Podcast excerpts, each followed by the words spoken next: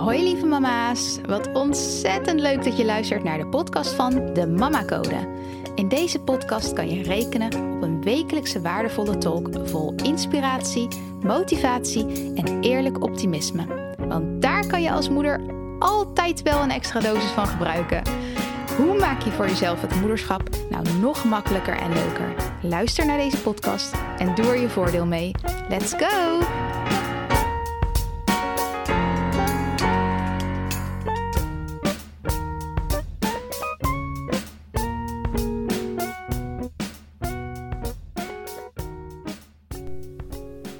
Hallo lieve moeders, welkom bij een nieuwe aflevering van de Mama Code podcast. Ik ben zelf uh, onderweg naar het ophalen van mijn kind van school, Mason. Um, ja, ik heb een super productief dagje gehad. Ik ben lekker aan de slag geweest voor de Mama Code en dan in specifiek voor de Mama Mindset Mastery. We zijn nu beland in de module Mindset. I love it, Mindset alles is mindset natuurlijk. Maar het gaat erom hoe zet je je mindset in en hoe verander je mindset. En welke mindset heb je eigenlijk nu? Wat is je vertrekpunt? Wat zijn de tools? Want we eindigen met tools, tools, tools, tools die de mama's zo enorm gaan helpen. In ieder geval de tools die mij enorm hebben geholpen. Uh, en ik nog steeds dagelijks gebruik en toepas. Want ik praat natuurlijk uit eigen ervaring. En dagelijks nog ga ik door eh, bepaalde struggles heen en eh, zet ik mijn eigen tools in. Dus uh, ja, voor mij zijn ze echt heilig. En uh, ik heb daar heerlijk aan verder gewerkt vandaag en even alles op een rijtje gezet. Ook in verband met de vakantie. Van waar, waar moet ik al vooruit werken? wat ga ik wanneer doen? Even een goede planning gemaakt. Want dat geeft gewoon rust in mijn hoofd. En ondanks dat ik me vandaag behoorlijk moe voel, heb ik toch die energie en fire om dit te doen. Omdat dit iets is, één, wat ik super leuk vind. Uh, twee, ik weet dat ik er andere moeders mee help. Dat is een mega motivatie voor mij. En ik doe mezelf en andere moeders dus tekort als ik dit niet doe. Dus ik voel er een enorme drive om dit te doen. En dat geeft mij energie. Maar desalniettemin um, voel ik me moe. En dat komt doordat we weer in onderbroken nachten zitten.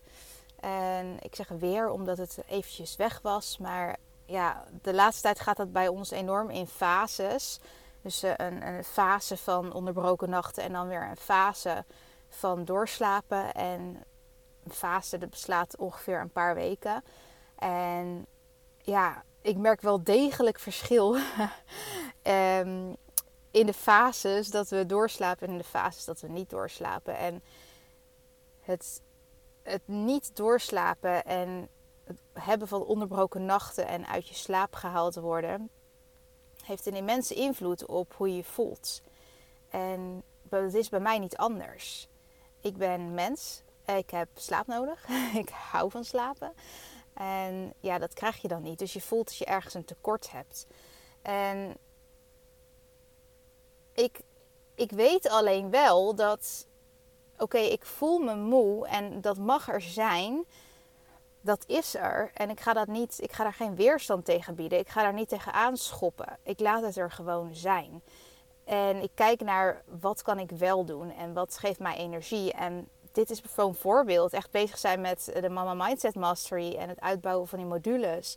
Geeft mij energie. En voor mij is zo'n dag als vandaag ook wederom een bewijs van je kan je moe voelen, maar dat hoeft geen reden te zijn om een shitty attitude te krijgen of om, om naar te gaan doen tegen andere mensen of om downtalk te gaan gebruiken tegen jezelf, waardoor je je nog, nog slechter gaat voelen. Ik ben geen slachtoffer van de situatie. Ik ben geen slachtoffer van de onderbroken nachten. Het enige is dat ik mij moe voel. En wat ik voel, dat komt en dat gaat. Dus ik leef ook in de wetenschap dat dit niet altijd zo zal zijn. Ik voel me op dit moment moe. En ik hou het klein voor mezelf. Ik maak het dus niet groter, ik hou het klein. Ik voel me op dit moment moe. En dat zijn van die kleine mindset tricks, ook door aan toe te voegen op dit moment het is niet voor altijd. Dus door op dit moment aan toe te voegen, maakt het dat je het veel kleiner voor jezelf houdt. En overzichtelijk en behapbaar. En daar, daar proef je ook gewoon de wetenschap in van... dit is niet wie ik ben. Ik ben niet moe, ik voel me moe. Dus ik koppel mijn identiteit niet met hoe, aan hoe ik me voel. En ja, dat eigenlijk, dat wilde ik eventjes meegeven. Want ik wil daar graag een voorbeeld in zijn. Kijk, mijn jongste zoon James is nu twee jaar en een aantal maanden. Ik hou de tel niet precies bij. Ik weet wanneer de jarig is, dat wel. um, maar ja, hij is de twee jaar en een aantal maanden. En met fases de laatste tijd dan. Hè, want voorheen was het continu onderbroken nachten. Maar met fases slapen we door. Dus met fases hebben we nog steeds onderbroken nachten. En vannacht was het dan uh, beide kinderen, zowel James als Mason, waren vannacht op verschillende tijden wakker. En ja, dat is pittig. Man, dat is pittig. We hebben het over jaren. Ik heb het niet over een aantal maanden niet goed slapen. Ik heb het over jaren, jaren niet goed slapen. En laat mij dan een voorbeeld zijn van dat de situatie niet de controle heeft over mijn acties en mijn reacties. Dat heb ik zelf. Dat heb ik zelf. Want man, wat is het zwaar. Enorm pittig. Echt, echt heftig. Ik heb enorme behoefte aan slaap, misschien meer dan een gemiddeld mens. En ik krijg het niet. En dat is heel pittig voor mij. En hoe ga ik mijzelf daarin ondersteunen? Wat heb ik nodig? Wat ga ik mijzelf geven? We hebben altijd die keuze. We hebben altijd die keuze. En, en, en wat kies je? Maak je het groter? Maak je het nog groter door de focus erop te leggen? En te denken van ik moet er maar mee leren leven? Of hou je het klein en denk je oké en hoe dan wel? En hoe kan ik voor mezelf zorgen? En wat kan ik mezelf geven? In deze situatie waar ik geen controle over heb. En ja, soms zijn de antwoorden simpeler dan dat je, dan dat je zou verwachten. Maar als je zo opgeslokt wordt door je identiteit te koppelen aan bijvoorbeeld in dit geval de moeheid. Ik ben moe en dan is alles zwaar en ik reageer zo omdat ik moe ben. En ik kan dit niet doen, want ik ben moe. En ik had het wel willen doen, maar ik ben moe.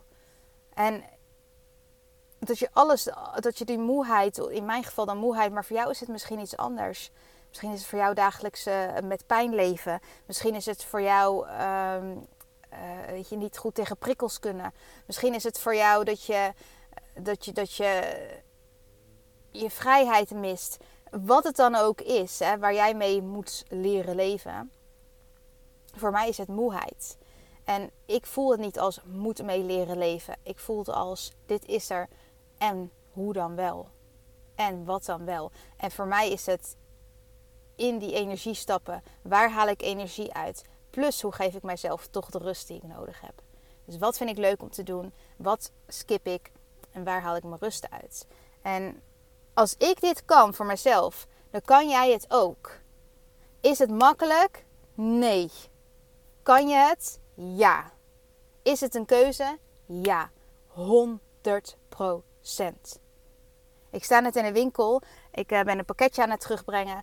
En er staat een, een, dame tegenover mij een pakketje aan te nemen. En op het eerste oog oogt ze een beetje afstandelijk en chagrijnig. En, uh, en ja, geen zin hebben in, zeg maar. En ik sta daar tegenover haar. Ik voel die moeheid. En ik weet, ik weet, het is een keuze hoe ik hierop reageer. Ik weet, het is een keuze hoe ik deze dame voor mij ga behandelen. En ik laat me niet leiden door mijn moeheid. En ik laat me niet leiden door haar attitude. Ik blijf wie ik ben en wie ik wil zijn. En ik stapte daarin. En ik bleef vriendelijk. En ik bleef behulpzaam. En ik bleef haar gewoon lachend aankijken en vriendelijk, vriendelijkheid tonen. En in die vijf minuten switchte haar vibe naar mij 100%. 100%. Zij bepaalt niet hoe ik mij uit, wat ik zeg, wat ik doe, wat ik denk. Ik bepaal het. Mijn moeheid bepaalt niet hoe ik in zo'n situatie reageer. Ik bepaal het. Ik ben in controle over mij. Niet over de situatie en niet over een ander, over mij. Over mij. We hebben altijd een keuze. En maken we het grootser voor onszelf? Maken we de pijn grootser? Of maken we hem kleiner en kijken we hoe we onszelf erin kunnen ondersteunen? En hetzelfde met de reacties naar je kinderen toe. Zij, zij maken niet dat jij iets doet. Zij maken jou niet boos. Zij maken niet dat jij schreeuwt. Dat doe je zelf. Dat doe je zelf. 100%. Welke keuze maak je? Maak je het groter of maak je het kleiner? Alright. Ik ga mijn uh, lieve, lieve zoontje ophalen. Op een liefdevolle manier. Op een vrolijke manier. Op een fijne manier. Want mijn doel is om fijn met hem samen te zijn. en niet om de moeheid te laten overheersen. Alright. ik hoop dat ik niet heel aanvallend klonk. Ik bedoel het gewoon echt vanuit tough love. En uh, ja, ook gewoon weer een reminder aan mezelf. Want hier zit ik nu weer middenin. En ik bepaal hoe ik ermee omga. En ik ga mezelf geven wat ik nodig heb. En ik ga ervoor zorgen dat ik aan het einde van de rit trots ben op hoe ik deze periode gehandeld heb. En geen, en geen schuldgevoel heb over hoe ik het eigenlijk niet had willen doen. Alright. Ik hoop dat je hier wat aan had. Bye bye.